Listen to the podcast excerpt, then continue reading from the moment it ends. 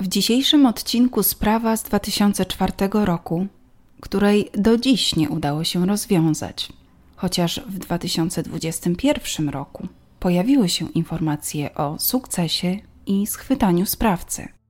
Wprawdzie śledczy nadal mają swoje podejrzenia i działają na tyle prężnie, że dwukrotnie udaje im się doprowadzić do zatrzymania tego samego człowieka, to również dwukrotnie z różnych przyczyn zostaje wypuszczony na wolność. Sprawa, która budzi skrajne emocje. Z jednej strony dlatego, że wydarzyła się ogromna tragedia, która dotknęła tak wiele osób. Z drugiej, sprawca nadal nie poniósł odpowiedzialności i tak naprawdę nie wiadomo, czy główny podejrzany jest tą właściwą osobą. Zapraszam na historię Urszuli Bartelik, Przypominam o przycisku subskrybuj, polubieniach i komentarzach. Nic się nie zmieniło, nadal każda Wasza aktywność jest bardzo ważna i to dzięki niej film może trafić do nowych ogniw, a nasz krąg, mam nadzieję, się powiększy. Z góry dziękuję. W dzisiejszym odcinku przenosimy się do województwa pomorskiego, do powiatu kartuskiego, dokładniej do miejscowości Stężyca.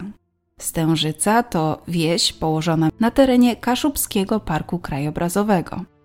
Poza zabytkowymi kościołami i kilkoma obiektami sportowymi, największą atrakcję stanowią walory krajobrazowe.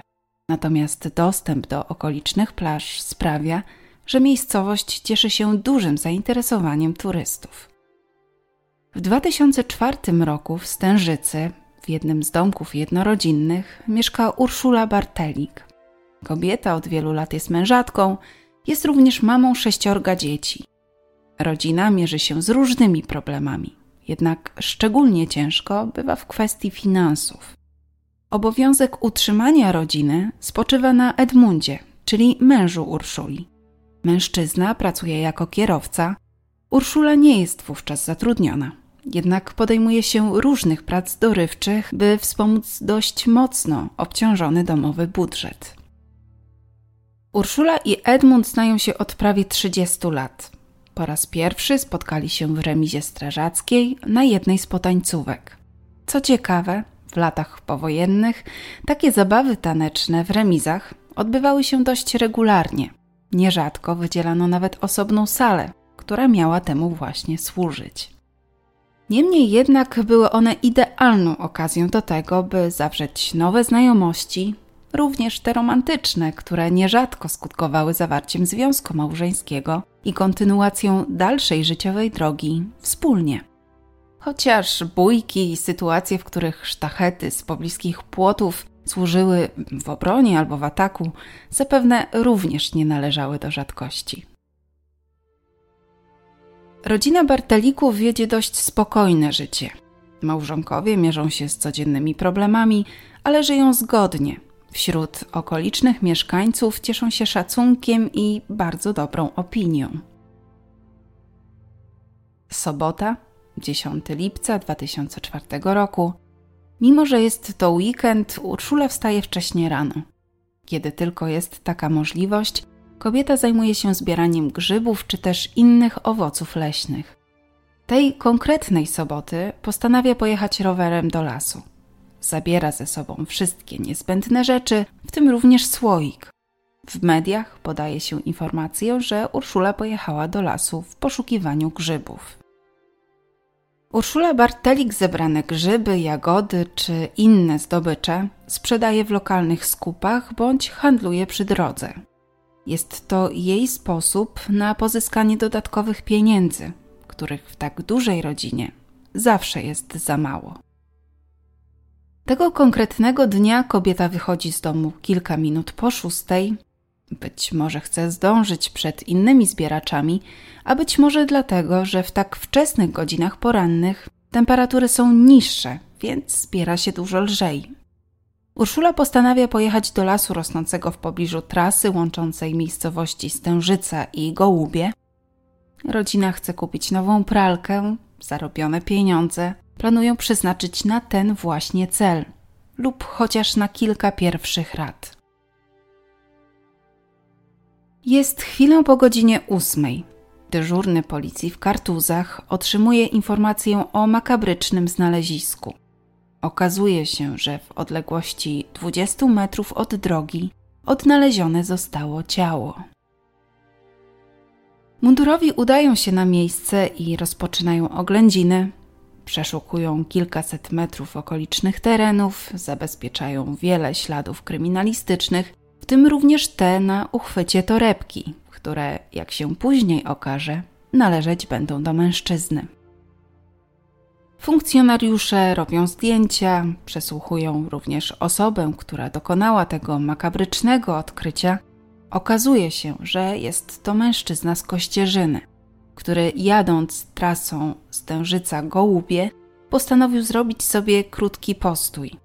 Kiedy udał się w pobliski las za potrzebą, miał zauważyć leżące pośród zarośli słoik, torbę z kilkoma grzybami, rower i, co najbardziej szokujące, obnażone ciało kobiety. Mundurowym udaje się również dotrzeć do osoby, która widziała odnalezioną kobietę o godzinie 6.47. Jechała wówczas rowerem, gdy świadek czekał na samochód. Prawdopodobnie był z kimś umówiony na wspólny dojazd do pracy czy też w inne miejsce. Ten sam mężczyzna widzi tą samą kobietę niecałe 10 minut później, czyli o godzinie 6.55, wtedy, gdy jedzie już we wspomnianym samochodzie. Kobieta jest wówczas w odległości około 200 metrów od miejsca, w którym chwilę po godzinie 8 odkryte zostanie jej ciało. Funkcjonariusze postanawiają ustalić tożsamość odnalezionej kobiety. Zespół dochodzeniowo-śledczy Skartus potwierdza, że jest to Urszula Bartelik. Około południa funkcjonariusze zjawiają się w domu rodzinnym odnalezionej kobiety, przekazują te straszne wieści mężowi i szóstce dzieci, które czekały na szczęśliwy powrót mamy do domu.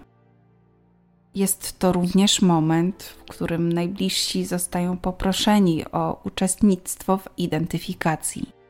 Mąż potwierdza, że odnalezioną kobietą jest Urszula. Niedługo później przeprowadzona zostaje autopsja. Wynika z niej, że kobieta straciła życie w wyniku zaciśnięcia na jej szyi paska od torebki. Ustalono również, że nie doszło do wykorzystania, chociaż to, że ciało pozostawało obnażone, mogło nasuwać pewne wnioski. Być może sprawca planował tego dokonać i to był główny motyw ataku, jednak z pewnych względów mu się to nie udało. Okazuje się również, że Urszula się nie broniła. Najprawdopodobniej sprawca nie dał jej takiej możliwości. Zaatakował z zaskoczenia, wtedy, gdy w ogóle się tego nie spodziewała. Jest to bardzo trudny czas, przede wszystkim dla rodziny, ale dla sąsiadów również. Mieszkańcy nie dość, że są w szoku, bo do tego rodzaju wydarzeń w okolicy raczej nie dochodziło, to jeszcze fakt, że przestępca cały czas chodził na wolności, nie dawał im spokoju. Większą uwagę skupiano na bezpieczeństwie własnym i całej rodziny. Ograniczono wówczas wyjścia do lasu. Zarówno turyści, jak i mieszkańcy obawiali się wycieczek w tamtym kierunku, tym bardziej, że po wioskach rozniosła się plotka o seryjnym przestępcy grasującym w lesie. W sprawie przesłuchano ponad 100 osób. Zatrzymano nawet jednego mężczyznę, podobno uzależnionego od różnych nielegalnych substancji, ale też uznawanego za osobę obcującą płciowo ze zwierzętami. Miał on jednak na tyle mocne alibi, że wykluczono go z grona podejrzanych. W sprawie Urszuli sporządzono również dwa portrety pamięciowe, które są w tej chwili widoczne. Z relacji świadków wynikało, że w pobliżu miejsca, w którym doszło do tragedii, widziano dwóch mężczyzn. Obaj poruszali się na rowerach. Jeden z nich miał mieć około 170 cm wzrostu, w wieku około 50 lat. Miał być schludnym mężczyzną ubranym w sweter z włóczki w jasnych kolorach. Drugi z poszukiwanych mężczyzn miał być młodszy, w wieku około 30 lat. Miał być również wyższy o jakieś 10 centymetrów. Niestety nie udało się ustalić ich tożsamości, a tym samym tego, czy byli to okoliczni mieszkańcy, czy może jednak ktoś przyjezdny. Chociaż opcję, że był to ktoś ze Stężycy, raczej wykluczano. Według specjalistów zaatakowanie Urszuli było spontaniczne, natomiast kobieta stała się przypadkową ofiarą. Najprawdopodobniej głównym celem sprawcy była chęć wykorzystania, natomiast z jakiegoś powodu do tego nie doszło. Być może ktoś go spłoszył. Jak wynika z badań, do tego rodzaju ataków bardzo często dochodzi w promieniu 15 km od miejsca zamieszkania atakującego. Niewykluczone więc, że w tej sprawie winnym nie był turysta, a mieszkaniec sąsiedniej bądź też tej samej miejscowości, w której mieszkała również Urszula. Mijają kolejne lata. Nadal nie wiadomo, kim są mężczyźni, których prawdopodobny wizerunek opublikowano w formie portretów pamięciowych. Nie ma żadnych nowych informacji, a tym samym żadnych nowych tropów, wskazówek czy kierunków.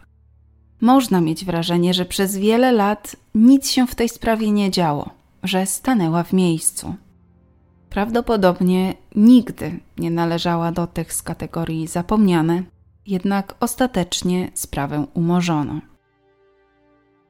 Przez 15 kolejnych lat nie zadziało się nic, co mogłoby sprawić, że winny poniesie odpowiedzialność za swoje czyny. Dopiero w 2019 roku, kiedy to w domu Bartelików zjawiają się policjanci z Wydziału Kryminalnego Komendy Wojewódzkiej Policji z Gdańska, wyłania się nowa perspektywa, a tym samym szansa na długo wyczekiwany przełom. Informują męża Urszuli, że wrócili do sprawy z 2004 roku, że ponownie analizują zebrany przed 15 laty materiał dowodowy. Planują również ponowne przesłuchania świadków. Osób związanych z tą sprawą było ponad 100, należało więc dokonać pewnej selekcji, by wygenerować grupę tych najbardziej z nią związanych, bo prawdopodobieństwo, że jest wśród nich ten właściwy człowiek, było bardzo duże. Próbę rozwiązania sprawy Urszuli podjęli kryminalni z Komendy Wojewódzkiej Policji w Gdańsku, policjanci z Gdańskiego Archiwum X oraz prokuratorzy z Prokuratury Okręgowej w Gdańsku. Nie bez znaczenia okazuje się również współpraca kryminalnych ze specjalistami z Laboratorium Kryminalistycznego Komendy Wojewódzkiej w Gdańsku. Dzięki wykorzystaniu nowoczesnych metod i technik udaje się porównać materiał dowodowy zebrany na miejscu tragedii z materiałem pozyskanym od wyselekcjonowanej grupy podejrzanych, w której najprawdopodobniej był również sprawca.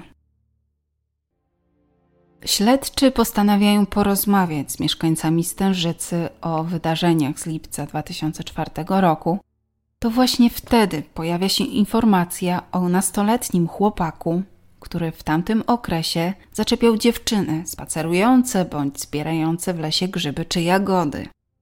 Mowa o Dariuszu P., piętnastoletnim wówczas chłopaku, mieszkańcu Stężycy. Był rodzinie Bartelików znany, zwłaszcza dzieciom, również dlatego, że starszy brat Dariusza Uczył się w tej samej klasie co córki Urszuli i Eugeniusza. Co ciekawe, syn małżeństwa, niedługo po tym, gdy doszło do tragedii, rozmawiał z Dariuszem. Miał on się wówczas zachowywać dziwnie, zawsze się gdzieś spieszył, kończył rozmowę mówiąc, że musi już iść. Nikt go wówczas nie podejrzewał. Zarówno tak młody wiek, jak i to, że znał rodzinę, zapewne Urszulę również – prawdopodobnie wykluczało go z grona podejrzanych. Trakcie zapoznawania się z aktami okazało się, że Dariusz P. był już przesłuchiwany w sprawie 47-latki i to zaraz po tym, gdy odebrano jej życie, jednak w charakterze świadka. Co ciekawe, niedługo później ten sam mężczyzna zostaje wytypowany we wspomnianej już grupie podejrzanych o dokonanie tego przestępstwa, wyselekcjonowanych z ponad 100 osób.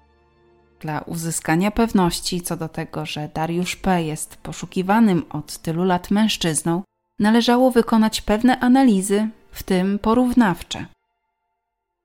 Do realizacji tego celu należało wdrożyć pewien plan. Zorganizowano spotkanie, w którym uczestniczył Dariusz, ale też policjanci z Gdańska, o czym on zapewne nie wiedział. W trakcie spotkania spożywano napoje wysokoprocentowe. To, że Dariusz zostawił swoje DNA na szklance, pozwoliło na zabezpieczenie, a następnie porównanie materiału biologicznego. To w jaki sposób doszło do spotkania, czy śledczym udało się wzbudzić zaufanie Dariusza, czy byli tylko obserwatorami, pozostaje tajemnicą. Niemniej jednak ich działania okazują się kluczowe, ponieważ 16 marca 2021 roku na polecenie prokuratora na lotnisku w Gdańsku, chwilę po lądowaniu samolotu, zatrzymany zostaje 32-letni wówczas Dariusz P. W zdarzeniu uczestniczą również funkcjonariusze z Zespołu Interwencji Specjalnych Straży Granicznej w Gdańsku. To, że Dariusz P. zjawił się w Polsce, nie było kwestią przypadku. Mężczyzna miał wrócić do Polski w związku z fałszywą informacją odnośnie odejścia swojej matki. Zapewne chciał uczestniczyć w uroczystości pogrzebowej. Najprawdopodobniej był to podstęp służący temu, by Dariusz P. wrócił z Norwegii, której, jak przypuszczano, próbował się ukrywać. Co zaskakujące, mimo przedstawienia zarzutów, za które groziła mu kara 25 lat pozbawienia wolności, mimo wielu badań i analiz, których wyniki umożliwiły wytypowanie sprawcy z określonej grupy osób, decyzji o tymczasowym areszcie pracy wielu śledczych i nie tylko, jakiś czas po zatrzymaniu zapada decyzja o wypuszczeniu Dariusza P. Zdaniem sądu dowody na jego winę są niewystarczające. Niemal od razu śledczy odwołują się od tej decyzji. Sąd apelacyjny przychyla się do ich stanowiska i chociaż od tej decyzji odwołuje się obrońca Dariusza P., nic się już nie zmienia. To wszystko dzieje się jednak na tyle późno, że Dariusz P. ma czas na to, by zniknąć, zrobić wszystko, by wręcz zapaść się pod ziemię, co zresztą mu się udaje. W związku z tym, że ustalenie aktualnego miejsca pobytu mężczyzny okazuje się być problematyczne, w marcu tego roku zostaje wydany za nim list gończy w celu zatrzymania i tymczasowego aresztowania. Ostatecznie policjanci z Wydziału Poszukiwań i Identyfikacji Osób Komendy Wojewódzkiej Policji w Gdańsku ustalają miejsce, w którym Dariusz P. się ukrywa. 13 czerwca w jednym z mieszkań na terenie powiatu kartuskiego 35-letni Dariusz P. ponownie zostaje zatrzymany. Mimo, że jest zaskoczony, to nie stawia oporu, nie próbuje uciekać. Zgodnie z opinią śledczych, mieli oni posiadać takie dowody, które jednoznacznie wskazują, że schwytali sprawcę. Jakiś czas później mężczyźnie zostają przedstawione zarzuty. Dariusz P. ponownie nie przyznaje się do winy. Po wykonaniu czynności procesowych z jego udziałem, prokurator podjął decyzję o wystąpieniu do sądu o zastosowanie tymczasowego aresztu.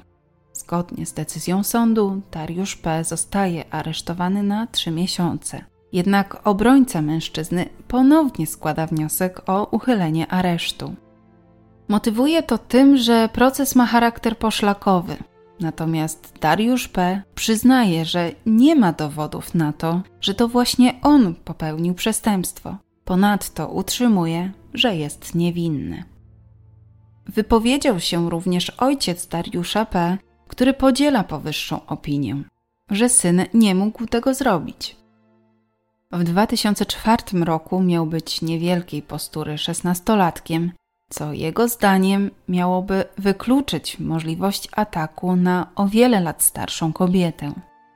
Padły również słowa: Lepiej zajmijcie się mężem i synem ofiary. Im się przyjrzyjcie. Z najnowszych wydarzeń to, jak wynika z informacji opublikowanych między innymi na stronie trójmiasto.pl, Sąd Okręgowy w Gdańsku kolejny raz ma wątpliwości co do przedstawionych dowodów i ponownie zwolnił oskarżonego z aresztu. Zdaniem pani sędzi, prawdopodobieństwo popełnienia tej zbrodni przez Dariusza P. nie jest duże z kilku względów. Po pierwsze, to, że w wieku 16 lat, jako drobnej postury chłopak, odbierając życie Urszuli, wykorzystując do tego pasek, musiałby sam siebie pokaleczyć czy poranić. To czy są jakiekolwiek dowody, że tak się stało, nie wiem. Przypuszczam, że może takich nie być.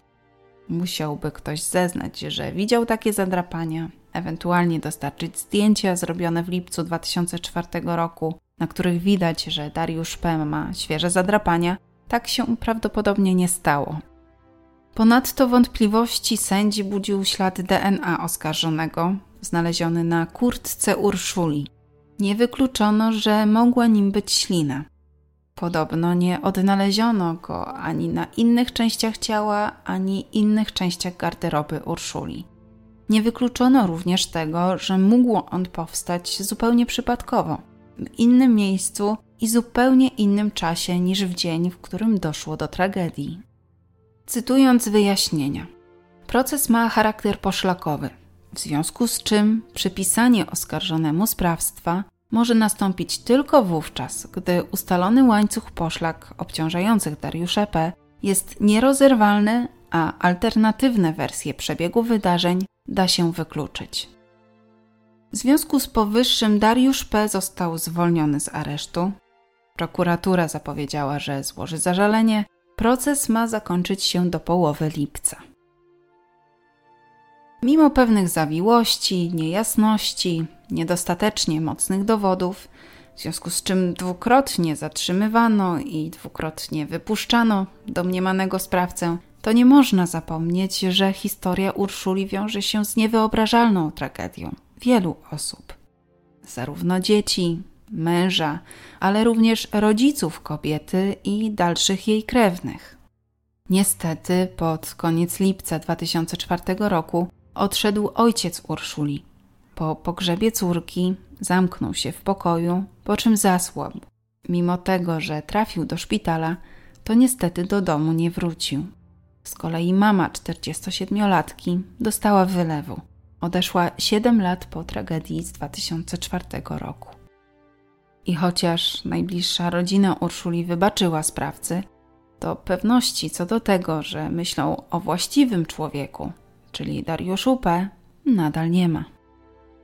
A to, że w obecnej sytuacji należy pamiętać o zasadzie domniemania niewinności, zgodnie z którą uważa się za niewinnego każdego, dopóki jego wina nie zostanie stwierdzona prawomocnym wyrokiem sądu, na pewno nie ułatwia. Bo mimo tego, że w 2024 roku minie 20 lat od tej tragedii, rany cały czas są rozdrapywane. I ten przykry i zapewne jeden z najtrudniejszych rozdziałów życia rodziny Bartelik niestety nadal trwa. W tym odcinku to już wszystko. Zachęcam Was do pozostania w kręgu kryminalnym na dłużej, czyli zostawienia subskrypcji, polubienia, komentarza, a najlepiej wszystkiego razem. Przypominam o możliwości wspierania kanału, a także o grupie na Facebooku i profilu na Instagramie. Odcinek powstał na podstawie ogólnodostępnych informacji, źródła jak zwykle w opisie. Czy zostaniesz kolejnym ogniwem krymi kręgu? Do usłyszenia całkiem zaraz.